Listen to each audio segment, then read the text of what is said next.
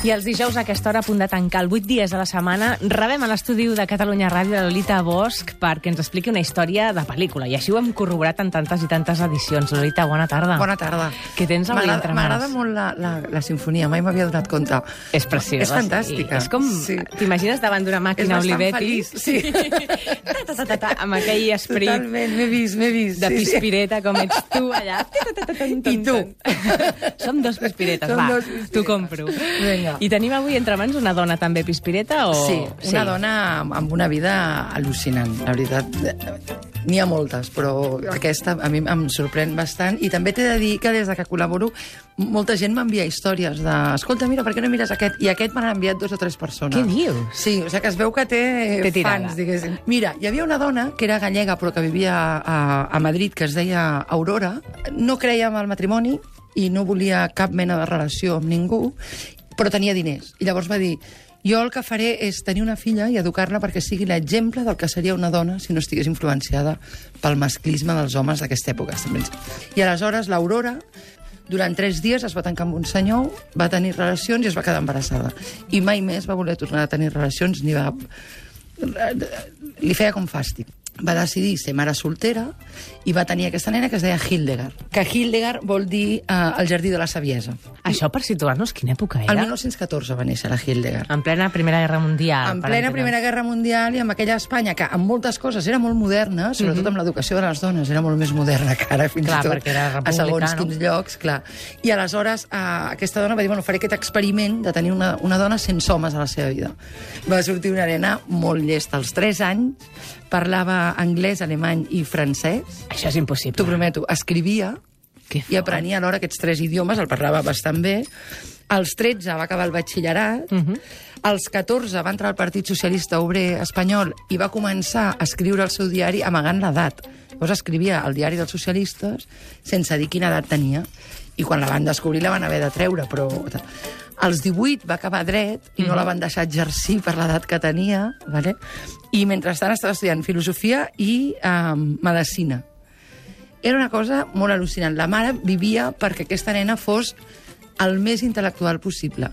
Quan estava embarassada d'aquesta nena, la mare cada, em sembla que comptava 3 minuts, donava la volta a la panxa perquè la nena s'estimulés intel·lectualment i ja sent un fetus. Ella es va salvar perquè era de classe alta, però aquestes coses les decidia un metge, no una metgessa, diguéssim. Les metgesses eren comadrones i tal, i ella va dir que no. Um, la seva filla va fer amb el Gregorio Marañón, que el Gregorio Marañón avui té un hospital i la filla no té res, la Lliga per la Reforma Sexual Espanyola i aleshores la nena, quan va començar a créixer, va començar a parlar sobre la lliberació sexual de, la, de les dones. Però ella era verge perquè la mare no la deixava tenir amics, no la deixava tenir nòvio. Ella va començar a fer a anar a fer com xerrades i feia conferències, va publicar... Té 13 llibres publicats deuria ser un coco a part, no sé la mare qui va triar aquests tres dies, però li va sortir una bona combinació. Bueno, aleshores, la nena va anar creixent, va fer 18 anys, i un dia la nena va dir, mira, me libero, mamà, no? Si sóc la dona alliberada, em llibero del tot. I aleshores li va dir a la mare que se n'anava a Londres, Ui, amb- sí. a Londres. Ui, el que devia trobar a Londres. Mira, anava a conèixer el H.G. Wells, l'escriptor, Sí.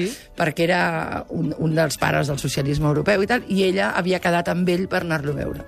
Llavors se n'anava a conèixer el Wells, que jo per, pel Wells conec aquesta història, i li va dir a la mare que se n'anava. I la mare i la filla van tenir una discussió horrorosa, una mica com ara, allò, mama, me'n vaig tres setmanes a Londres, que no, que ets petita i tal.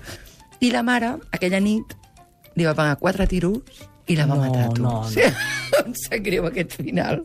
Però sí, la va matar perquè va dir, no, és massa alliberada, m'ha superat a mi mateixa, hauríeu de veure ara tots la cara de la Mireia, que està No totalment... creure. És que anava a dir què va És fer després i clar. què va escriure i com no és va poder que no... marxar. Es va morir als 18 anys, amb 13 llibres publicats i 3 carreres i tal, però es va morir als 18 anys. I aleshores la mare, en el judici i en el i en el, durant tot el temps va estar reclòs amb un, amb un psiquiàtric, era molt violenta, es veu, es va tornar una dona molt violenta, però ajudava molt a la gent, a les dones. Fe- Feia molt cosa d'emancipació i tot això, i ho va seguir fent durant el temps que, que tal. Avui, al 8 dies de la setmana, una història, no de pel·lícula, de, de, Al·lucinant. de, jo diria de sèrie per fascicles en 3D Pues mira, pues- i en pues sí. tots els formats Sí. que sigui impossible.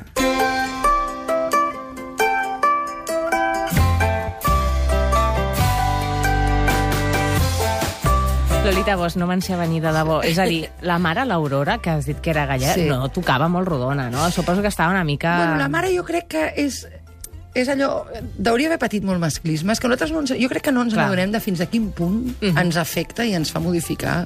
Aleshores la van portar a un judici, la van tancar en un psiquiàtric, a la mare. Uh, era, es veu que es va posar molt violenta, però que en el psiquiàtric, per exemple, va lluitar pels drets de les preses. No? Era, una dona No, feminista. no la salvaré de cap de cor- les maneres. Pots argumentar-ho de dalt i de No, baix, no, no. però no hi ha Espera. argument que salvi No, no, no, l'actitud no, no, aquesta, no, no, perquè no, no. Eh, penso que... Vaja, És molt fort, és molt sí, fort, No? sí, sí. A més, la Lolita és molt punyetera, perquè ella m'envia fotos. Jo acabo de veure una foto d'ella, i Sí. clar, ara, clar que era jove. Només, només li han fet un llibre que es diu Sex and Society in Early 20th Century Spain, i és un llibre que s'ha publicat a l'estranger i espera que només et puc explicar el final de la vida de l'Aurora, que és al·lucinant. Va arribar la Guerra Civil, llavors van obrir la presó on estava ella i ella es va escapar. I mai més s'ha sapigut on està l'Aurora.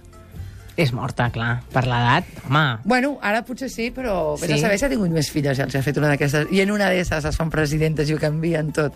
Que fort. Fort, Com eh? eren els cognoms, no sabem, de l'Aurora? Sí, l'Aurora es deia... Uh, la, la filla es deia Hildegard Rodríguez Carballeira. Uh -huh. La de l'Aurora no ho sé, només sé que es deia Aurora. Ah, no, Aurora Rodríguez Carballeira, Clar, clar, li va posar els mateixos cognoms. cognoms. clar. Li van posar la Virgen Roja perquè un, un filòsof va dir està defensant els drets de les, de les dones i és verge. Ho trobo fascinant. Fascinant, sí. no? Jo també. Molt. M'hagués però agradat conèixer-la, diguéssim. A la filla, Home, a la filla. sí, a la filla Sí, sobretot, sí, a però la mare també té la història. Jo, jo La no mare m'hagués l'entenc. agradat entrevistar-la. Sí. Li has de fer un capítol d'aquest llibre que Sí, estem fent aquest exacte. estiu d'una manera o d'una altra, perquè jo sóc conscient sí. que d'aquí en sortirà alguna cosa. M'animaré, m'animaré, no, home. Moltes gràcies per posar-nos a, sobre antecedents d'una història del llibre en definitiva. Seguim indagant amb la Hildegard. A tu, una abraçada. Gràcies.